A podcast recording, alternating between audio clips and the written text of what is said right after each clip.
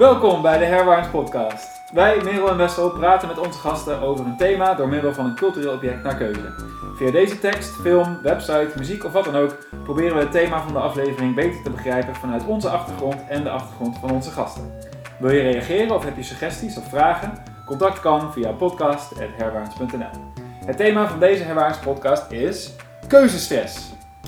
Na aflevering 20 over informed consent vervolgen we onze dubbel aflevering over keuzes maken met keuzestress. De angst, verlamming, druk en ongemakkelijkheid die kan ontstaan als iemand een keuze moet maken. Dat kan bij te weinig mogelijkheden of een moeilijke beslissing, maar wij concentreren ons vandaag op een teveel aan opties bij een keuze. Er is in de moderne Nederlandse samenleving op veel gebieden zoveel mogelijk dat keuzestress kan worden ervaren bij het kiezen van producten, smaken, kleuren, maar ook het beslissen, van, uh, beslissen over een studie, beroep of een levenspad. Vrijheid van keuze is een groot goed, maar kan ook beklemmend zijn. Immers, je kunt het verkeerde kiezen en dan ben je zelf verantwoordelijk voor de resultaten en consequenties van je keuzes. Keuzestress wordt bijvoorbeeld besproken in boeken als Het Dertigersdilemma van Nienke Wijnands en andere zelfhulpboeken die proberen hulp te bieden bij het vinden van de juiste keuze. Andere psychologische verschijnselen, zoals de fear of missing out en het idee dat beperkingen creativiteit opleveren, zijn ook verbonden met een overdadigheid aan keuzes. Is er een optimale hoeveelheid keuzes? Zijn keuzes inherent goed? Hoe moeten mensen omgaan met mogelijkheden? De gast is Michael, docent biologie. Hallo. Fijn dat je er bent. Dankjewel. En Merel is er ook. Ja. En ik uh, mag vandaag beginnen. Uh, ik wil het gaan hebben over het boek Brave New World van Aldous Huxley. Um, die ik blijkbaar ook heb genoemd in aflevering 1. Dus het is een hele throwback. Uh, ik neem me bij deze ook voor in aflevering 41 uh, weer een, uh, een, korte mededeling te doen over Brave New World. In Brave New World um, volgen we Bernard Marx. die woont in een dystopische samenleving ergens in de toekomst. Um, waarin de hele samenleving geconditioneerd is, zodat er geen keuzes zijn. mensen worden genetisch geoptimaliseerd voor bepaalde kasten. Ze worden sociaal geïndoctrineerd zodat alles wat er vanzelfsprekend gebeurt goed is. Ze zijn cultureel getraind om bepaalde dingen te waarderen en andere niet. En altijd als er dan nog enige onvrede opstaat, kunnen ze uh, naar orgies gaan of soma, dat is een, een, een, heel positieve drugservaring, als een soort gelukspleister over enige twijfel heen leggen. Zo zijn er dus geen zorgen, geen problemen en geen veranderingen. Iedereen is altijd tevreden, bevredigd en nuttig. Um, in deze context zijn er dan een aantal karakters die uh, door die maatschappij heen bewegen, zodat je een beetje leert kennen hoe deze samenleving werkt. Um, en uh, Bernard Marx, dus een van de alpha-plussen, dat betekent dat hij in de hoogste rang van, van de samenleving zit. En hij is verliefd op iemand en hij heeft een beetje rare jaloerse neigingen, want alles is van iedereen natuurlijk. Um, en daardoor gaat hij op een gegeven moment, neemt hij haar mee op reis naar een van de reservaten buiten de samenleving. Waar hij iemand tegenkomt die een buitenechtelijk kind blijkt te zijn. En dat is gek, want de kinderen in A Brave New World zijn allemaal afkomstig uit een reageerbuisje, zodat ze perfect gecontroleerd kunnen worden. Um, maar hier is een kind geboren. Uh, en dat gebeurt in de reservaten wel vaker, maar dit is een kind van iemand van buiten het reservaat gemengd met iemand in het reservaat. En dat is vreemd. Um, hij neemt deze John, uh, zoals hij genoemd is, mee. Linda komt ook van buiten het reservaat. En dat is de moeder van, uh, ja. van John. Ja, klopt.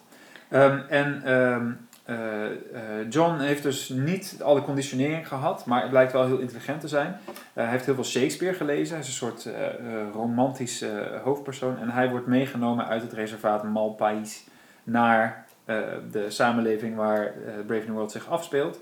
Um, en is dus eigenlijk een soort van de surrogaat van de lezer, die dus ziet hoe gesloten deze uh, samenleving is.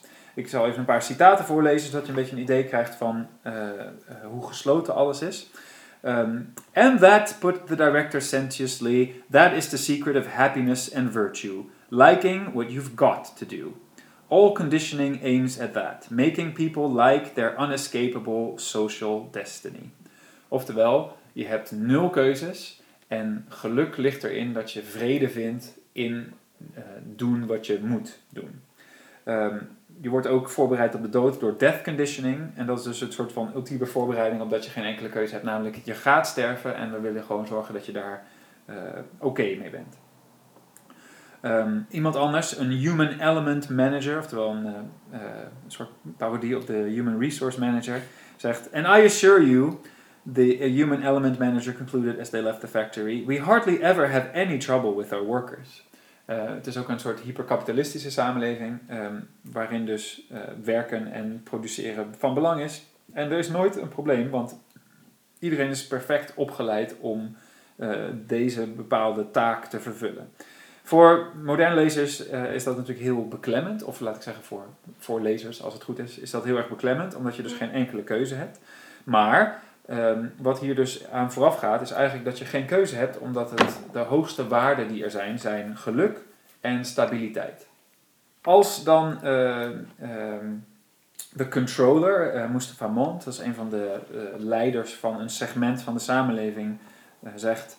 That's the price we have to pay for stability. You've got to choose between happiness and what people used to call high art.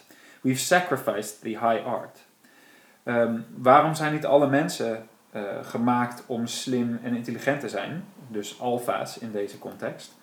A society of alphas couldn't fail to be unstable and miserable.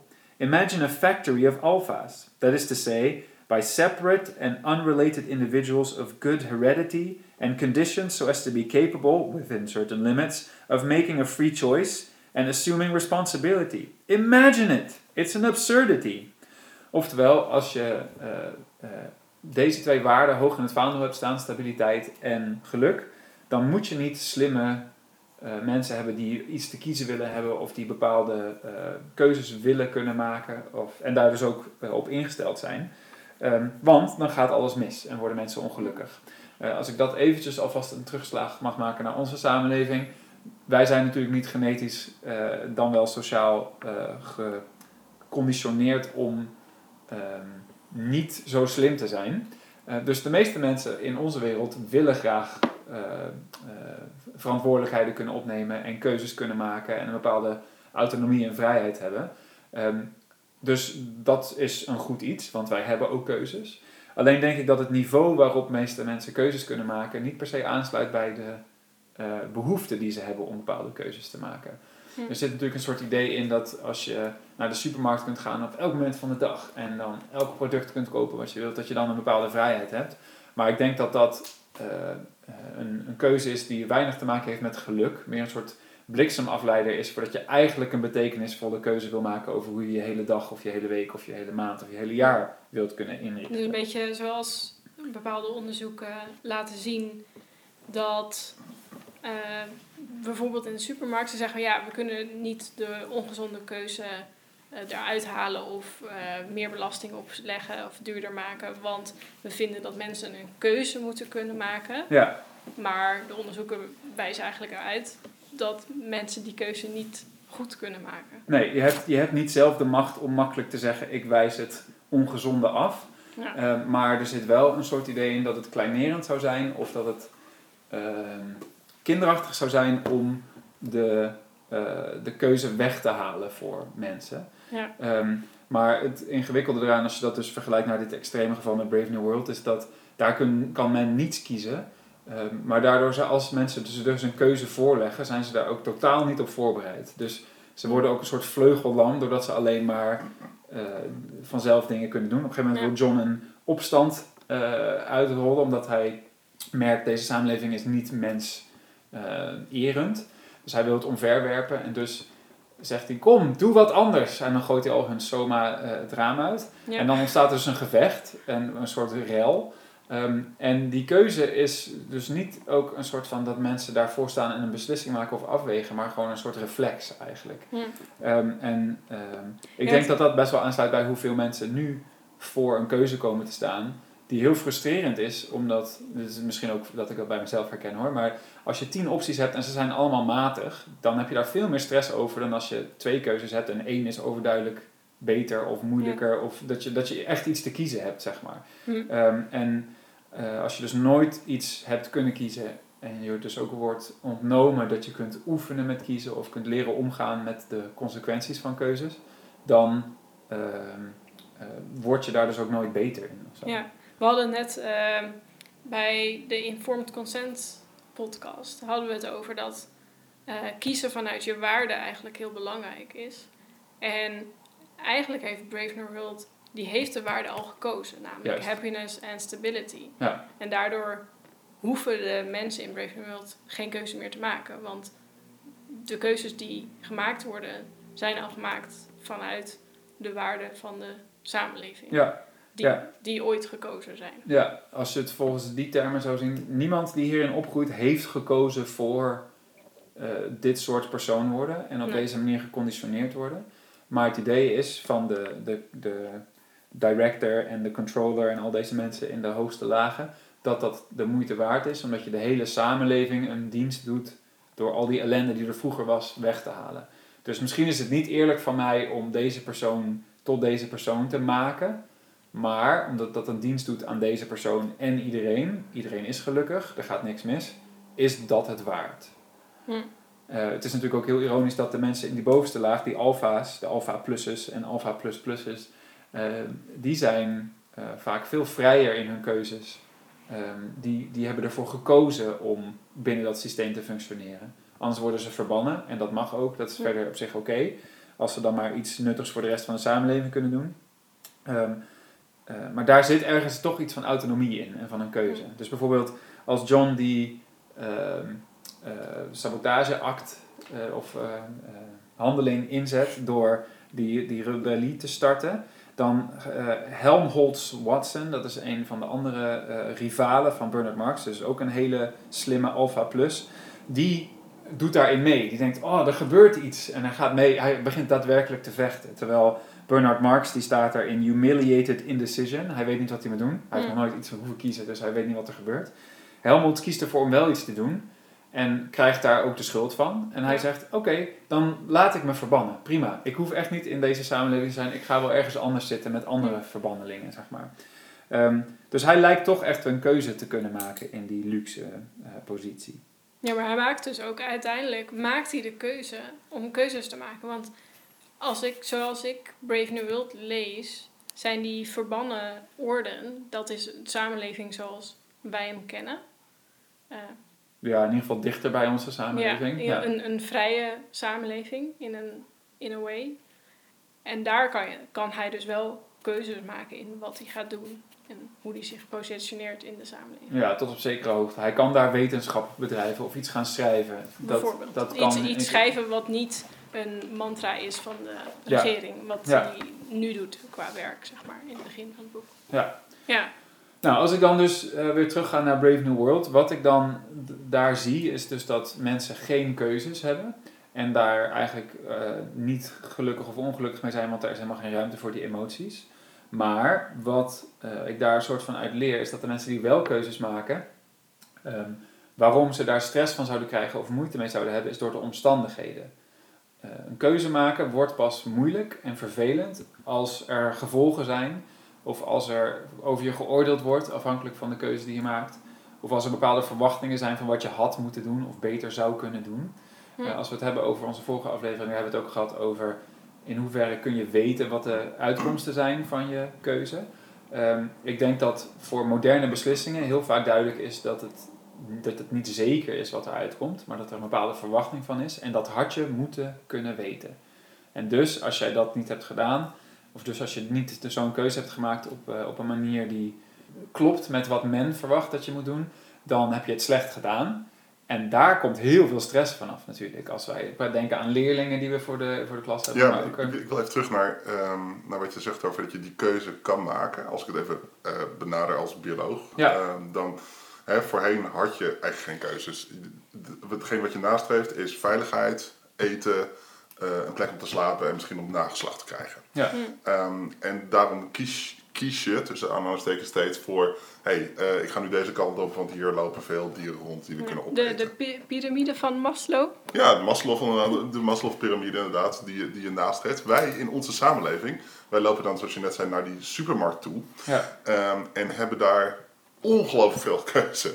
uit eh, gezonde dingen en ongezonde dingen. Die Ja. ongezonde dingen konden we vroeger eigenlijk nooit kiezen. Hè? Want de enige manier waarop we iets heel zoets konden krijgen, dat was door eh, een bijennest erover en de honing eruit te halen. Of misschien hadden we geluk dat we een rietstengel eh, vonden die, waar suiker in zat. Ja, Nou, dan, wat we deden is dat we aten we dat allemaal tegelijk op. Zodat we dat allemaal binnen hadden en zodat een ander die keuze niet had. Maar nu worden we continu geconfronteerd met die keuze. Ja. Ehm, en dus zijn we als mens, een be- leuk bruggetje naar Brave New World, eigenlijk niet geprogrammeerd om die keuze te maken. Dus misschien bedoelen ze in de ideaalsamenleving van Brave New World wel het beste voor wat mensen zijn als wezens die ontstaan zijn uit het feit dat ze geen keuze hebben. ja. Als een soort biologische machines. Ja. Ja. Aldous Huxley is natuurlijk ook bioloog. En eh, eh, het is inderdaad heel erg, er zit heel erg veel eh, speculaties in op hoe kun je mensen optimaliseren voor hun omgeving. En Ja. eigenlijk is dit een sociologisch eh, antwoord op een biologische science fiction gedachte. Wat nou als je mensen daadwerkelijk genetisch kunt manipuleren en daadwerkelijk eh, kunt conditioneren in hun slaap? Hoe zou de samenleving er dan uit kunnen zien als je geluk en stabiliteit eh, zo hoog in het vaandel hebt? Ja, Ja, eh, grappig, dat sluit mooi bij het citaat aan wat ik wilde zeggen. Want eigenlijk zeg jij dus wat mensen kunnen kiezen. En het kader waarin mensen kunnen kiezen is voor een deel biologisch bepaald. En nu Ja. zitten we in een omstandigheid waarin de, de soort van het volgen van die biologische formules tot problemen leidt. Namelijk, als je in de supermarkt altijd kunt kiezen voor zoete dingen, dan kun je heel ongezond worden van altijd het zoete eten bijvoorbeeld. Ja. Ehm, de controller eh, heeft het hier over ehm, dat de mensen van de laagste rangen zitten in een soort van eh, gevangenis, want ze zijn dom geboren en precies gemaakt voor hun taak. En John, de savage, zoals hij wordt genoemd daar, die ehm, eh, protesteert daartegen. Dus dat is toch niet hoe je het wilt. Je, je beperkt ze. Je laat ze eigenlijk in een flesje. eh, ze, ze, komen uit een flesje, worden geboren uit inseminatie. En daarna ehm, eh, blijven ze voor altijd in een flesje. En dan zegt de controller, each one of course, the controller meditatively continued, goes through life inside a bottle. But if we happen to be alphas, our bottles are, relatively speaking, enormous. We should suffer acutely if we were confined in a narrow space. Oftewel, we zitten allemaal in bepaalde eh, kaders vast. Wij zijn dan misschien alfa's omdat we in een, eh, een niet Brave New World eh, society zitten. En dus zijn we slim en kunnen we keuzes maken en zijn we relatief gezond. Maar we zitten natuurlijk wel beperkt in een omgeving en in bepaalde kaders. En eh, hier zegt de controller specifiek: We should suffer acutely if we were confined in a narrow space. Als we niets konden kiezen. Tegelijkertijd, ehm, we zetten ook vast in het feit dat we slecht kunnen omgaan met een overdaad aan keuzes, bijvoorbeeld. Dat is gewoon onderdeel van hoe we eh, geprogrammeerd worden. Te vrije ruimte geeft net zoveel eh, ellende en stress en zorgen als te, veel, als te weinig ruimte. Zeker als je dus veroordeeld kunt worden voor het verkeerde kiezen. Want ik vermoed mensen in de supermarkt die stress ervaren bij het kiezen van producten, zijn waarschijnlijk niet in eerste instantie bezig met wat nou als ik de verkeerde smaak chocola kies, Hm. want dat vind ik niet lekker. Ze denken, wat nou als ik de verkeerde smaak chocola kies en mensen dat stom vinden van mij, of als ik er te dik van word, of als ik eh, dan morgen weer eh, op tv de, de sportschoolreclame zie of zo. Er zit een soort, daar, daar komt het, de stress vandaan. Anders koos je gewoon, oh lekker. En, maar dan zijn er dus niet kwalijke gevolgen aan. Ehm, er wordt ook gesproken over excessive leisure in ehm, A Brave New World. Ehm, maar dat is natuurlijk alleen maar zo als er eh, waarden onder, eh, aan vooraf gaan die een bedreiging zijn. Als je vrije tijd hebt en je kunt van alles bedenken en je hoeft je niet eh, te houden aan de verwachtingen van de samenleving. Bijvoorbeeld, ik hoef niet morgen naar mijn werk, ik moet de juiste baan kiezen, maar wat zal ik eens gaan doen op, op mijn reis van de komende drie maanden? Als daar geen consequenties of problemen aan vastzitten, dan hoef je er ook niet over te stressen. Hm. Ehm, maar als je geluk en stabiliteit als kernwaarde neemt, is dat wel gevaarlijk, zoals in Brave New World. En als je in onze samenleving bijvoorbeeld, wat zouden dan de kernwaarden kunnen zijn? Iets van succes bijvoorbeeld, of eh, veiligheid voor jezelf of anderen of zo. Hm. Dan, dan kan je heel erg goed de verkeerde keuze maken. Wij, wij hebben natuurlijk ook eigenlijk ergens de ken, kernwaarde geluk genomen. Want Mhm. eh, dat is wat je nastreeft, is dat je gelukkig bent. Ehm, en daardoor gaan inderdaad mensen, oké, hoe word ik het meest gelukkig? Wat kan ik doen om nog meer gelukkig te zijn? Ja, Waar je natuurlijk automatisch enorm ongelukkig van wordt. ja. Wat dus slecht is. Ja. Ja. maar ik zat ook te denken, want de, de, de samenleving in Brave New World zegt dat hun kernwaarden stabiliteit en geluk zijn. Ja, Maar ik zou zeggen dat een kernwaarde daar ook in is ehm, geld. Want je had het over leisure. Maar Ja. het, is, het is niet inderdaad... Er zijn wel een bepaalde sociaal geaccepteerde dingen die je kan doen eh, in je vrije tijd. ja, En die kosten allemaal geld. ja, En ze worden dus ook geconditioneerd om eh, de natuur niet leuk te vinden eh, met sleep teaching. En maar wel om golf of zo, weet ik veel, ja. ja. leuk te vinden. En naar de dat- film gaan. En zo. ja, want dat kost geld. Ja, ja, daarom dat hyperkapitalistische, dat dat systeem ook rondjes kan blijven draaien en zo. Ja, ja. En dat zit bij ons natuurlijk op een andere manier er ook in. Ik wilde ook nog zeggen over dat idee van geluk, dat, dat is ook een bepaalde vorm van geluk. Als in, ehm, eh, dit is misschien een, een vrij grote generalisatie of zo, maar de meeste mensen zouden zeggen dat je niet gelukkig kunt zijn als je verdrietig bent. Terwijl je ook prima kunt zeggen, het is heel waardevol en bevredigend om soms ongelukkig te zijn en daardoor te groeien of daar iets van te leren of daardoor het contrast te zien of zo.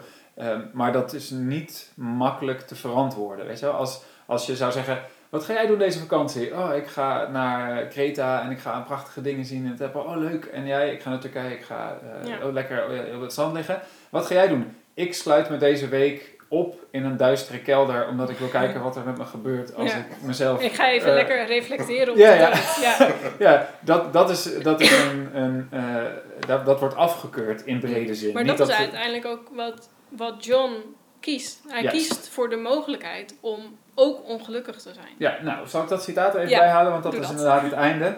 Ehm, eh, John is dan in gesprek met de controller, Mustafa Mond, en die legt hem uit dat eigenlijk het idee is dat je, je moet soms wel nare emoties hebben, maar dat krijgen ze dan in een therapeutisch moment, een, een violent passion surrogate, één keer per maand, en dan kunnen ze daar meteen weer gelukkig verder.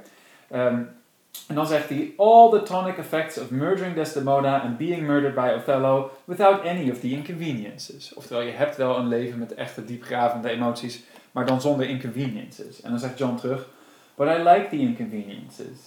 We don't, said the controller. We prefer to do things comfortably. But I don't want comfort. I want God. I want poetry. I want real danger. I want freedom. I want goodness. I want sin. In fact, said Master Famont, you're claiming the right to be unhappy. All right then, said the savage defiantly. I'm claiming the right to be unhappy. Ja. Dat is de keuze die hij dan uiteindelijk maakt. En in dit boek, dramatisch gezien, volgt dan een de- zelfmoord Het natuurlijk. gevaar van de vrijheid is de keuze om te falen. Ja, Ja. precies. Mm. En eh, ik, mijn, mijn uiteindelijke these zou zijn dat de keuzestress veel minder zou zijn als dat mocht. Als je als Ja, omdat- falen omdat het niet... geluk is wat je opgelegd krijgt, is het geluk van wat iedereen aan jou kan zien. Ja. Dus het vormen van de likes, laten we het zo zeggen. Ja, Als, als, mensen, als mensen kunnen zeggen van oké, jij bent echt gelukkig, dan ben je pas gelukkig. ja, Hm. ja, en als je dus voor zover mogelijk kunt onttrekken van, dat, van oordelen en ge- de, de gevolgen die men slecht zou vinden, zijn veel meer van jouw keuzes veel vrijer en hoef je er veel minder gestrest over te zijn. Want de grenzen en consequenties van een keuze bepalen hoeveel stress je ervan krijgt.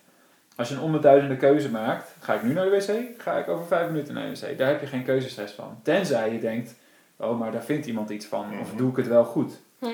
Ehm, maar het is ook zo dat keuzes van een onjuist niveau, dus voor, voor, niet voor alfa's, bij wijze van spreken, eh, die geven ook stress, omdat eh, eh, als mensen denken dat dat belangrijk is, dan zit daar wel stress. Dus het zou niet uit moeten maken waar je precies op vakantie gaat, want het is geen uiting van de waarde van jouw karakter. Maar dat zit er wel een beetje in. Als je niet Ja. naar creatieve plekken gaat op vakantie, dan heb je het niet goed gedaan. Dan ben je niet zo bijzonder of zo. Nee, dat- dat, dat is dus thuis wel iets wat ik echt altijd acuut voel. Want ik ga vaak op vakantie in Nederland. Ja. Dat vind ik fijn. Ja. Het is niet dat ik niet een keer naar de buitenland wil, maar Ja. dat is wat ik nu doe. En dan voel ik, ik vind het altijd nog steeds moeilijk om te zeggen, ik ga naar Nederland op vakantie. Ja. Want je moet inderdaad, je moet naar Kreta of Ja. naar Thailand of Je naar moet reizen. Ja. eh, Zuid-Amerika. En eh, nee, ik wil helemaal ja. niet naar Thailand. Ja. Ja. Toch Ja. voel je de verantwoordelijkheid om... Want dan ben je pas een goed mens. Als, Ja. je, dat, Ja, als je dat allemaal hebt gezien in een heel ver land, exact. dan kun Ja. je pas een beter mens zijn. En Ja. dat kun je nu niet zijn. Je hebt Ja. immers die mogelijkheid, dus moet je er gebruik van maken. Ja. Ehm, als laatste zou ik dan dus zeggen dat eh, als je keuzes kunt maken in vrijheid, die ook afgesteld zijn op wat jij kunt kiezen en wat voor een keuzes aansluiten bij jouw eh, manier van denken en jouw ervaringsniveau, zou je heel erg veel kunnen leren van keuzes maken, zonder dat het stressvol hoeft te zijn. Eh, dan kun je dus ook niet echt de foute beslissing maken, want dan is het een leermoment in plaats van een, een, een soort meetmoment of je wel het goede hebt gekozen. Maar natuurlijk is het wel zo dat je uiteindelijk maar een beperkte hoeveelheid tijd hebt en een beperkte hoeveelheid geld hebt. En dus ga je altijd pijn meemaken van een belangrijke keuze maken en uiteindelijk denken, misschien had ik het anders moeten doen. En uiteindelijk, Maar- uiteindelijk bestaat het, een verkeerde keuze bestaat wel. Ja, Hè? ja. Eh, Ik kan bijvoorbeeld nu ervoor kiezen om jou om te leggen. dat ga ik niet doen. Maar dat is dan wel een verkeerde keuze. ja, daar ga je waarschijnlijk een, een naar leven van hebben. Ja, inderdaad, ja. ja, ja. Maar eh, als we dan John volgen, dan is het feit dat je die keuzes zou mogen maken, maak maar alsjeblieft niet dood, eh, wel de moeite waard. Want het, het maken van de verkeerde keuzes, daarin zit veel meer geluk en veel meer waarde en veel meer belang dan steeds de goede keuze hebben gemaakt. Ja, dat, dat is dan toch weer een beetje hetzelfde als wat we met informed consent zeiden. Niet het, zeg maar, niet wat je kiest. Waar gaat Niet het de om? uitkomst van de keuze. Ja, Ja. maar het feit dat je kan kiezen. Ja, en die keuze kunt maken aan de hand van wat jij belangrijk vindt, zonder dat je daar per se op wordt afgerekend. In ieder geval, Ja. dat zou de stress heel erg verminderen. Hm. Ja. Oké, oh, dat was een beetje lang voor het eerste object. nou ja, goed, we kijken wel even hoe het, hoe het gaat. Eh Merel, jouw beurt. Ehm, ja, ik wil misschien eerst even beginnen met dat eh, ik de meest recente flow in de, dat is een tijdschrift, in de bus kreeg. En daar stond op keuzestress, zo wordt kiezen eenvoudiger. Nou, dat moest ik natuurlijk lezen. Ehm, en ehm, wat me daar in eerste instantie opviel, is dat ze eh, negen adviezen geven om de keuze te maken. Waardoor je dus niet alleen de keuze moet maken, maar ook een keuze moet maken tussen welke van de negen adviezen je gaat opvolgen. Mhm. Want eh, advies 1 is bijvoorbeeld schrijf twee scenario's op van zij, eh, de persoon die dit artikel heeft geschreven, eh, Jantine Jongebloed, heeft zelf een keuzestress over een, een binaire keuze. Dus word ik wel of niet moeder? Mhm. is haar keuze. En ze zegt, nou, schrijf twee scenario's op. Dat is stap 1, of advies 1. En dan eindigt ze dat stukje met eh, dat het haar niet dichter bij de beslissing bracht.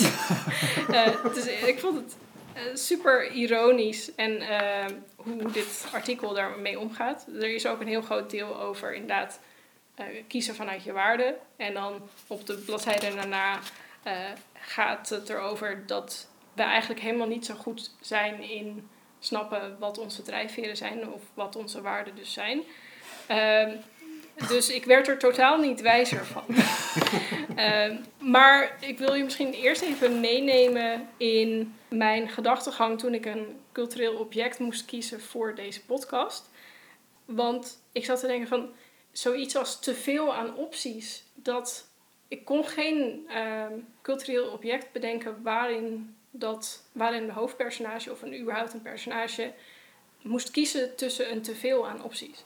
Het is meestal namelijk een A of B optie. Dus in romantische verhalen is het kies, kies ze voor man A of B of kies ze überhaupt voor deze man of niet. Eh, in avonturen of fantasy is het ga je wel of niet mee op avontuur? Gaat Frodo wel of niet de ring eh, vernietigen? En eigenlijk is het daar natuurlijk altijd ja, je gaat op avontuur, want anders dan heb je geen boek. Ehm, dus ik zat heel erg te zoeken van waar zijn er culturele objecten, verhalen waar er wel meerdere keuzes zijn. En in eerste moest, instantie moest ik denken aan te veel aan opties wordt heel vaak omschreven als je staat in de snoepwinkel. Of zoals we net hadden, je staat in de supermarkt. Dus toen moest ik aan Charlie and the Chocolate Fac- Factory denken. En nee, het gaat dan niet over de ve- hoeveelheid aan snoep. Ehm, maar daar staat Willy Wonka eigenlijk voor de keuze om een opvolger te kiezen. Nou, voor eh hij die eh, keuze al door vijf golden tickets uit te delen. En dan komen er vijf kinderen naar die fabriek. Maar eigenlijk is het uiteindelijk een non-keuze, want de enige logische opvolger is Charlie. Want die andere vier die zijn gewoon weird. ja, dus die, dat, is, dat zijn geen, geen, Geschikte geen kandidaten. geschikte ja. ka- kandidaten. Ja. En eh, het andere boek waar ik aan moest denken en was eh, Far From The Madding Crowd. Waar er ook een man C is. Maar ook dat is een non-keuze. Want je weet eigenlijk vanaf het begin al... Er zijn eh, drie mannen. Gabriel Oak, Mr. Boldwood en eh, Troy. Nou, aan de naam Troy zie je al dat dat niet degene is die ze moest kiezen. Maar je weet, je weet aan het begin van het boek al... dat de juiste keuze voor haar Gabriel Oak is. Hij heet ook niet voor niks ook. Ehm, Of Gabriel. of Gabriel. ja, dus eh, de, de voorbeelden van verhalen waar er meerdere opties waren, waren altijd een soort van non-opties. En het interessant vond, ik had het hier met een vriendin over en die zei van ja, misschien Thomas Cromwell in de Hilary Mantel serie over Thomas Cromwell, eh, dat die wel dat soort moeilijke keuzes moet maken. En wat ik daaraan interessant vind is dat dat ten eerste een eh, boek is over een over echt bestaande personen. Dus het is. En ik vind dat een van de boeken die specifiek heel erg levensecht is.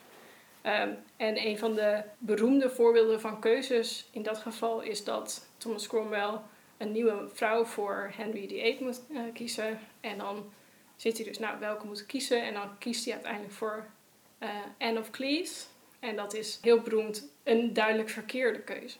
Want eh, Henry VIII die moet haar niet en die scheidt van haar. En nou, een tijdje later wordt Thomas Cromwell onthoofd. En dat komt, zegt men, mede daardoor. Dus ik kon eigenlijk niet goed een literair vo- voorbeeld bedenken met een teveel aan keuzes. En een van de dingen is, ja, het is als een boek wordt, een verhaal wordt super complex als je een hoofdpersoon uit meerdere keuzes moet maken. En dat is ook eigenlijk precies wat er gebeurt in keuzestress, is dat de keuze wordt te complex, want er zijn te veel dingen waar je uit kan kiezen. Eh, dus dan wordt het verhaal, of in dit geval jouw keuze, te ingewikkeld om te volgen. En toen moest ik denken aan, maar zijn er eigenlijk wel zoveel opties? Want één plek waar ik in ieder geval heel veel keuzestress heb, is de boekwinkel. Eh, want daar heb je allemaal fantastische verhalen en dan kan je niet kiezen. Want net zoals ik nu, ik kan niet kiezen uit een specifiek object. Maar is het daadwerkelijk wel echt een teveel aan opties? Want, nou ja, sommige boeken zijn niet in jouw genre. eh, of ze zijn te specialistisch voor jou. Of ze zijn slecht geschreven, dus je wil ze niet lezen. Tenminste, eh, of ze zijn te duur. Of ze zijn niet eh, verkrijgbaar in die winkel. Dus dan valt er al heel veel af. En we hadden het net heel erg veel over kiezen vanuit je waardes. En ik denk dat als je kijkt naar wie jij bent en welke opties je hebt, dat er dan al best wel veel opties gewoon afvallen omdat het niet voor jou is.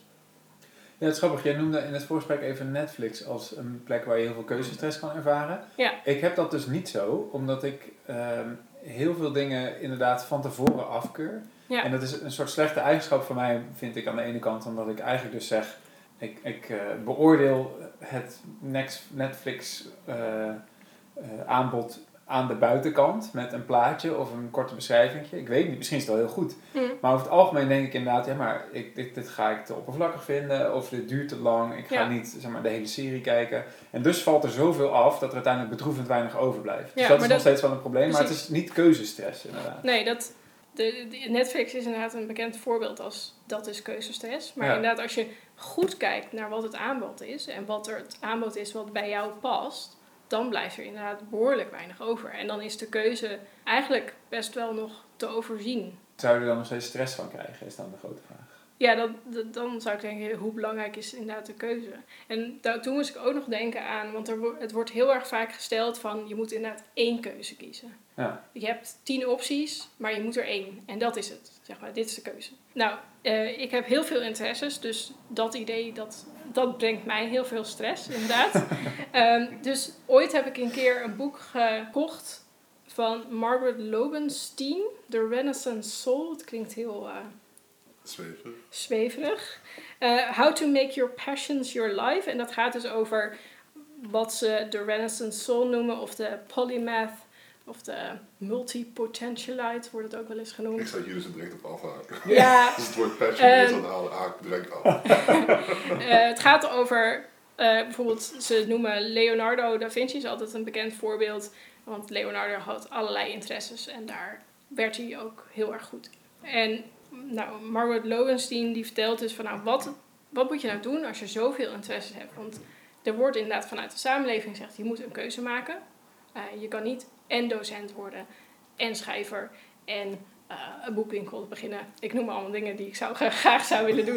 Eh, dat kan niet. Eh, dus je moet een, één keuze maken. En dit is wat je dan gaat doen met je leven. En zij zegt, zij heeft dan de metafoor van de ijswinkel. En ze zegt, nou ja, maar dat hoeft, je hoeft niet per se te kiezen. Maar je kiest gewoon een aantal ice cream flavors samples. Dus een paar samples en die doe je dan nu. En dan kan je altijd nog goed kijken van nou, ik ga dit, deze sample verander ik in een ander sample. Ja.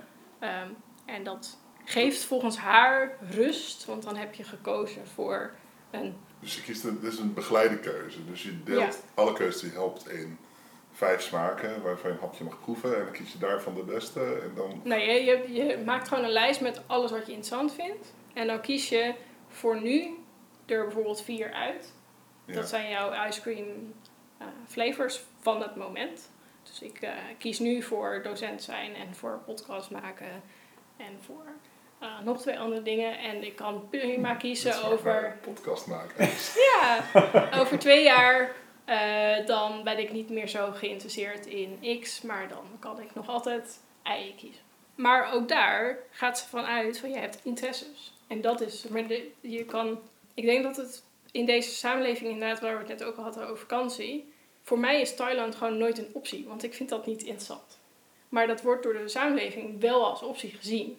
Dus als ik die optie niet kies, dan maak ik een fout. Maar zij gaat wel nog vanuit van, oké, dit zijn je interesses, dus dit is het speelveld waar. Dus het is eigenlijk wel nog een kader. Ja, Eh, alsof je je kunt onttrekken aan de verwachtingen en eh, oordelen van de samenleving over jouw keuzes. Dus. ja ik, dus ik, ik denk dat het, het zit eigenlijk een soort van schijn... Een soort, het is een soort van leugen, denk ik, dat, dat er oneindig veel opties zijn. Hmm. Dus, maar als je, maar het, het, het limiteren van die opties is, moe- is moeilijk, omdat je inderdaad die sociale druk hebt over welke opties je moet Ja, overwegen, zeg maar. Ja. Ja. Terwijl als je denk ik echt goed vanuit je waarden kijkt en vanuit jij, wie jij bent en wat je kan, dan blijft er denk ik een overzienlijk aantal opties over. En hoef je dus minder stress te hebben. En hoef je minder stress Ja. te hebben. Oké, interessant. Zullen we dan meteen door naar jouw object? Want jouw object, eh Michael, gaat eigenlijk over die druk dan, zou ik zeggen. Klopt. Mm. Ja, Ja. ja we hebben nu dus het, het eh, grappige dat we een audio, eh, een audio-object hebben. Wat we Cultureel dus, object, wat ja. we- cultureel object, wat we kunnen laten horen. Dus we doen hier even een stukje van het audio-object. Je kan alles, je kan naar school, dus dat moet je doen. Je moet een leuke baan, je moet reizen, je moet dingen meemaken, je moet er goed uitzien, je moet sporten. Je kan alles, je kan naar school, dus dat moet je doen. Je moet een leuke baan, je moet reizen, je moet dingen meemaken, je moet er goed uitzien, je moet sporten. Maar oké, kijk. Je kan alles. Dan vertel ik even wat mijn audio-object is. Ja, Het is het liedje eh, Je kan alles van Spinvis en Laila. En eh, dat liedje verscheen een aantal jaar geleden. En het viel mij op omdat er iemand in de videoclip speelde die ik ken. Eh, en toen ben ik gaan luisteren naar, die, naar, die, eh, naar dat lied. En ik heb hem net aan jullie ook laten horen. En Merel, jij zei meteen, ik word er helemaal kriegel van. Ja, ik, zal, ik zal de mantra oplezen ehm, die erin zit. En misschien hebben jullie die al gehoord, maar dan nu langzaam. Maar oké, kijk. Je kan alles. Je kan naar school. Dus dat moet je doen. Je moet een leuke baan. Je moet reizen. Je moet dingen meemaken. Je moet er goed uitzien. Je moet sporten. En dit is een, een mantra die eh, ik ervaar als een soort van de waarheid die, mij is opgelegd als, als kind of als opgroeiende puber. En die ik ook veel eh terugzie bij leerlingen op school. Ehm, omdat je alles kan, moet je het ook doen. En eh, als je het niet doet, dan doe je het dus verkeerd. En dan heb je de foute keus gemaakt. Ehm, ik vind dat wij eh, verplicht worden om te kiezen, omdat we alles kunnen doen. En ehm, uiteindelijk ontstaat daar een soort opgelegde stress uit. Die, ehm, waaruit naar voren komt dat welke keuze we ook maken, dat dat de verkeerde is. Dus het maakt niet uit of je nou optie 1, 2, 3, 4 of 99 kiest. Het is altijd de verkeerde keuze, want uh, als je die hebt gekozen, dan ontdek je dat er nog 99 andere keuzes zijn die minstens net zo goed zijn als jouw keuze. En als je nou niet had gekozen, dan kon je nog alles kiezen. En dat is mijn, um, mijn definitie, denk ik, van, van keuzestress. Um, en dat vind ik een interessante gedachte om die, uh, om, om die te bevragen en die uh, uit te leggen. En uh, uiteindelijk wordt, werd er van mij gevraagd dat ik, heel veel, dat, ik, dat ik dingen moest doen. En ik deed ze niet vervolgens. En daar voelde je dan rot over. Um, en uiteindelijk kom je erachter van, hé, hey, maar heb ik die keuze dan eigenlijk echt wel? Of moet ik echt iets kiezen? Um, en toen ontdekte ik dat ik je helemaal niet hoeft te kiezen, omdat je toch wel dingen gaat doen. En dat in iedere keuze die je maakt, uh, dat daar nog weer een myriade aan mogelijkheden in zit. Dus um, ik zei in het voorgesprek, ik heb op een gegeven moment gekozen om uh, koffie leuk te gaan vinden. En inmiddels weet ik heel veel van koffie. En weet ik op heel veel manieren uh, hoe je koffie kan zetten. En wat voor smaak je er allemaal uit kan halen. En het blijkt dat ik dat in plaats van koffie, uh, koffie had ik ook sinaasappels op kunnen kiezen. Maar dat heb ik niet gedaan. En ik neem aan dat als ik nu sinaasappel kies, dat er in sinaasappel ook heel veel uh, te ontdekken valt. En uh, blijkt dus dat het die. Um, dat ik, ik, ik denk dat, dat men het goed bedoelde door te zeggen van hé, hey, je hebt heel veel mogelijkheden, dus, dus kies en je zal gelukkig worden. Uh, en dat op mij overkwam, en op mijn generatiegenoten misschien overkwam, als um, je moet kiezen en als je het niet doet, dan ben je fout. Terwijl er eigenlijk bedoeld werd, als je kiest, dan zal je ontdekken dat iedere keuze goed is. Ja, dat is een grappige omkering. Hè? Als je, want ja. je, hoe je het net formuleerde was, je hebt 100 dingen om te kiezen, je kiest er één, 99 andere zijn minstens net zo goed. Dat zou eigenlijk een heel geruststellende gedachte moeten zijn. Ja. Jij hebt gekozen voor hockey, jij hebt gekozen voor frisbeeën, jij hebt gekozen voor uh, ijsschaatsen. Dat is allemaal goed. Maar uh, je kunt het heel makkelijk omdraaien naar, ja, dan heb je dus die andere 99 allemaal niet gedaan.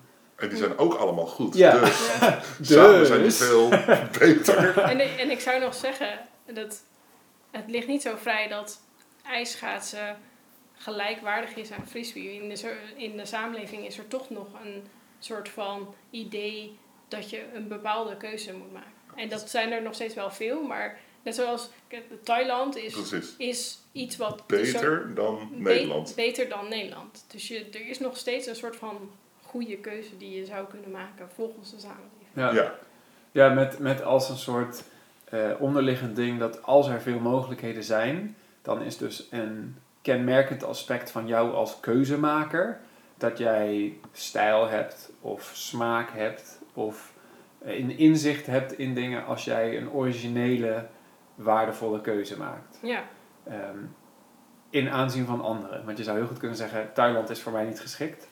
Dat ga ik niet doen. Ik ga naar Nepal. En dan vermoed ik dat de, de reactie van veel mensen zijn, oh, Nepal, dat is gaaf. Ja. Thailand, daar gaan inderdaad wel Maar veel mensen heen. Maar als je zou zeggen, "Mm, Thailand is voor mij niet geschikt, ik ga naar Drenthe. Dan zullen mensen niet even snel zeggen, oh, Drenthe, wat een goed idee voor jou. Hm. Eh, want dat is inderdaad niet de, de maatstaf of zo. ja. Dan komen we eigenlijk terug op wat jij eh, beschreef bij Brave New World. Is dat het geluk, of zo waar je naar op zoek bent, Ja, dat dat pas waar is als andere mensen het ook vinden. ja. ja, en dat zit heel erg in dat mantra, Ja, je kan alles, ja, dus je- moet. je Dat moet is een interessante formule dat dat Ja. meteen omslaat. Je, je hoort het bijna niet als je het de eerste keer hoort. Weet je, wel, je kan Ja. alles, dus je gaat naar school, dat moet Dus je ook doen. kan naar school, dus En dan- dat moet je doen. En dan blijft Ja. het moet. Ja, Inderdaad. en je moet een leuke baan. Ja, En je moet reizen, dus je moet naar Thailand en je moet naar Australië ja, en niet naar Drenthe. ja. Ja, En het interessante stukje daarin is dat de mogelijkheid krijgen dan dus gelijk staat aan de eis dat je gebruik moet maken van die mogelijkheid. ja. Om, Ja. om daarop eh, eh, in te haken, ehm, jullie kunnen mij niet zien, maar ik ben 2 meter 10. en daar, daar passen meteen een heleboel verwachtingen bij van mensen. Eh, als kind was ik ook al te lang. En op het speelterrein mo- moest ik basketballen. Want ik ben toch zo lang. Dus ik moet dit kunnen. Ja. Jij hebt de mogelijkheid om makkelijk zoiets te scoren. Dus dan moet je dat ook doen. Ja. Hm. En ik heb helemaal geen goed balgevoel. Dus als ik een bal gooi, dan is hij 910 keer mis. Maar, iedere, maar als, als, ehm, eh, klasgenoot van mij mist, dan zegt hij, ja, god, maakt niet uit, want die is toch klein, dus die kan het ook niet zo goed. Maar als Ja. ik mis, dan heb ik het meteen verkeerd gedaan. Ja. Want ik heb Jij toch die mogelijkheid, dus ik moet dat toch Precies, kunnen. ja. Mag, mag ik dan toch het even over de American Dream hebben hier? Ja. Eh, want eh, ik, daar zit voor mij dezelfde onwaarheid in als het idee van je kan alles kiezen, dus je moet het ook. Het, de American Dream is volgens mij nu vrij duidelijk ontkracht, al zijn er vast nog heel veel mensen die daarin geloven. Maar het idee van de American Dream, dat je alles kan worden wat je wil, ook als je een, een dubbeltje bent, kan je nog een kwartje worden. En als je maar gewoon hard genoeg je best doet. Eh, nou, volgens mij is dat zeker in Amerika duidelijk niet waar. Ehm, eh, maar ik denk dat dat, dat, dat dat zit ook een beetje in deze keuzestress idee van je kan nu alles worden. Je hoeft niet meer per se te worden wat je ouders werden. Dus heb je ook de plicht om gelukkig te worden en om alles te doen. Want je kan alles. Maar Ja. volgens mij is dat gewoon ook onwaar. Want je kan niet alles. Want jij kan niet basketballen. Want dat, dat zit niet in jouw, jouw systeem, zeg maar. Ja. En dat, dat is prima. Maar je zou, eh, volgens de samenleving is het idee, ja, maar je moet het, zou het moeten kunnen. Want het is onmogelijk. Ja. Ja. Uiteindelijk ben ik het wel gaan doen. En heb ik ook een paar jaar wel gebasketbald. Ja, Maar uiteindelijk ben ik weer gestopt omdat ik het niet leuk vond. Ja. ja precies. Dus het- het- voor jou was het eigenlijk nooit een optie. Maar de samenleving heeft bepaald dat het voor jou een optie moet zijn. Ja. Omdat ik de mogelijkheid heb. Ja, Ja. Maar ik- ja, daar zit een soort van. Net zoals bij de American Dream. Het is gewoon niet waar. Het de, er zijn gewoon heel veel opties niet mogelijk voor een bepaalde persoon. Ja. En dat, En net, net zoals in Brave New World, waar al gekozen is voor iedereen wat ze moeten zijn. Ja. Ja. Ja, en ik denk dat het inderdaad, ehm, je leest de mogelijkheid af als je iemand ziet, een kind, een onbeschreven blad. Je gaat denken, oh, wat zou hier allemaal uit voort kunnen komen? Dan moet het wel een van de goede dingen zijn die hieruit voortkomt. Terwijl, zeg maar, statistisch gezien, zeker de Amerikaanse droom, zeg maar, je weet dat niet iedereen de rijkste 1% kan worden. Sterker Ja. nog, bijna niemand kan dat worden. dat, dat denk ik ook, En- zeg maar, dat vinden we ook eng om. Zeg maar, al- als ik nu zeg, ja, maar niet alle opties zijn mogelijk, hij, mogelijk voor jou, Ja, dan klink- klinkt het als beperkend. ja, Ja. Eh, want je zegt, ja, maar jij kan dit niet. En dat, dat was natuurlijk, vroeger was het, jij kan dit niet, want je vader is, eh noem het- leerlawyer. leerlawyer, dus jij wordt dat ook. En je kan niet advocaat worden. Dat kan gewoon niet. En dat was natuurlijk, dat was beperkend. Maar nu, als je kijkt naar, oké, eh, Michael heeft, eh, sorry, ik ga nu je naam Engels uitspreken. Michael heeft eh, geen balgevoel. Ik, ik chargeer nu even. Michael heeft geen balgevoel, dus eh, basketbal is gewoon niet zijn ding. Maar dat is niet erg, want hij kan nog wel eh, eh, heel muzikaal zijn en daardoor een ins- instrument gaan besteden. Dat is dus prima. Ja. Eh, maar dat voelt als beperkend, omdat je zegt, jij kan niet sporten. Ja, Ja. Mijn, eh, wat voor mij basketbal is, is voor jou Thailand. Ja, Ja. ja, het was niet een optie in jouw eigen hoofd. Je had niet het, eh, de behoefte eraan. Ja. Maar omdat het binnen de mogelijkheden ligt, moet je er toch over nadenken om het te doen. Ja. En aangezien het binnen de mogelijkheden ligt, kunnen we ineens gaan oordelen eh, hoe hoog het eigenlijk in jouw lijstje van mogelijkheden had moeten staan en wat dat over jou zegt. Ja. Als jij was gaan basketballen, was dat beter geweest dan dat jij op je ehm, Want dat is de Synthesizer. juiste keuze. ja, ja, ja. synthesizer dingetje kiest Ja. te gaan spelen. Ook al Ja. heb jij misschien meer affiniteit met het ene, maar als het alle twee kan, dan kunnen we van buitenaf zeggen welke je had moeten kiezen of zo. Ja. Ja. dus Ja. eigenlijk is keuzestress gaat niet om, we hebben te veel aan keuzes en we weten niet wat we moeten kiezen, maar we hebben te veel aan keuzes, maar er is eigenlijk een keuze die we zouden moeten maken volgens de samenleving, maar ik wil eigenlijk liever een andere. Ja. ja. Ja. Dus de keuzestress wordt opgelegd door de omgeving, Ja. die al voor ons bepaald heeft wat we eigenlijk hadden moeten doen.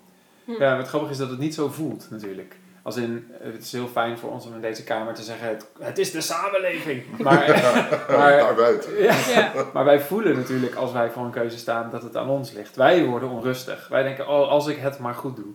Maar ik denk inderdaad dat het, het gevoel van die stress niet inherent is aan ons. Soms heb je keuzes die heel moeilijk zijn, heel complex.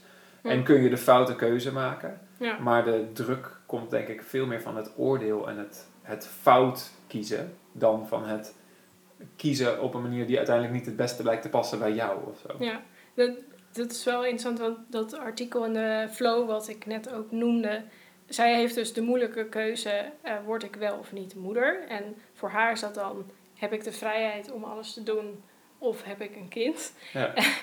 en ja, wat, wat ik heb geleerd uit literatuurwetenschap, als je voor een A of B keuze, dus een zwart of wit keuze staat, een dichotomie, eh, in de literatuurwetenschap is het dan bijna altijd zo dat het ofwel geen van beide is, ofwel allebei. Of er is een derde optie, blijkt. Of een, inderdaad, Ja. een derde optie. Dus het wordt gezien als een, een zwart-wit keuze. Je gaat of die kant op of die kant op. Ja. Eh, maar dat is dan ook een soort van schijntegenstelling of zo. Dus ik zou tegen de eh, journalist van dit artikel zeggen: kan jij nog vrijheid hebben als je ook moeder bent? Ja. Ja. Dus kan het allebei.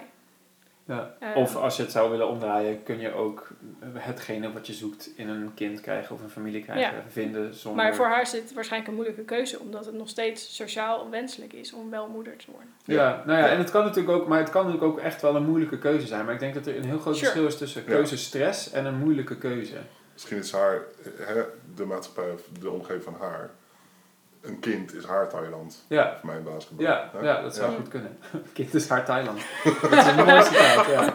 Nee, maar ik denk in ieder geval dat, Ja. zeg maar, je mag echt prima heel veel moeite hebben met een keus, denk ik. Ja. Eh, en ik denk dat dat iets anders is dan dat je keuzestress ervaart. Eh, want dat is bijna een soort fysieke reactie op het feit, oh, ik weet het niet. Terwijl, tuurlijk mag je dingen niet weten. Je kunt niet weten hoe dingen aflopen. En dus ga je Ja. soms een keuze maken die misschien niet blijkt te kloppen. Ja. En, Ja, en wat het uiteindelijk vloeit mij in door, dus dat eh, je, je misschien, dat ik heb geleerd dat wat de maatschappij vindt van mij niet zo belangrijk is. Hm. Hè? Jij wordt straks heel gelukkig als je naar Drenthe op vakantie gaat. Want in Drenthe is het fijn. ja. Ik word heel gelukkig als ik mijn synthesizer pak en eh, een of ander raar riedeltje in elkaar zet. Ja. Ja dus, Ja. dus de, de, zolang je dat uiteindelijk eh, boven de eh, vermeende, dan wel gevoelde samenlevingsdrugs kunt plaatsen, zul je veel minder keuzestress ervaren ook, eigenlijk. Ja, Ja, en ervaar je het misschien niet als een keuze die je moet maken, maar ervaar je het als een pad waar je in rolt of zo, van Ja. ja, ja. je, die je sowieso Ja, dit- bewandelt. Waar je naartoe getrokken wordt Dit artikel in ja. de Flow zei ook iets over, en dat, dat heb ik al een keer eerder gelezen. Eh, dat noemen ze cognitieve dissonantie, Ja. geloof ik. Ehm, dus zeg maar, je hebt dan twijfel van is dit een goede keuze of niet. Maar welke keuze je dan ook maakt, uiteindelijk breidt jouw brein het recht. Dus dan denk je, oké, ik heb hiervoor ik heb voor de synthesizer gekozen en dan, of ik heb voor koffie gekozen in plaats van sinaasappelsap. En dat was de goede keuze voor mij. Want Ja. ik werd er heel blij van. Ja, Dus als jij voor sinaasappelsap had gekozen, dan had je dat ook gehad. Dan was je ook heel blij geweest met je keuze voor sinaasappelsap. ja, Dus uiteindelijk maakt het niet uit, zou ik zeggen, behalve als je een keuze maakt die echt niet bij jou ligt. ja, Dus als jij voor basketbal had gekozen. Ja. Waar, waar je uiteindelijk ook voor zei, ik ben gestopt, want ik vond het niet leuk. ja, Dat was een slechte keuze. Maar die was niet ingegeven door jou, klopt. maar door de samenleving. Ja, dus, Ja. dus de, de verkeerde keuzes eh, liggen bijna niet in jezelf, maar in doen wat je denkt dat goed zou zijn of wat Ja. van buiten verwacht wordt.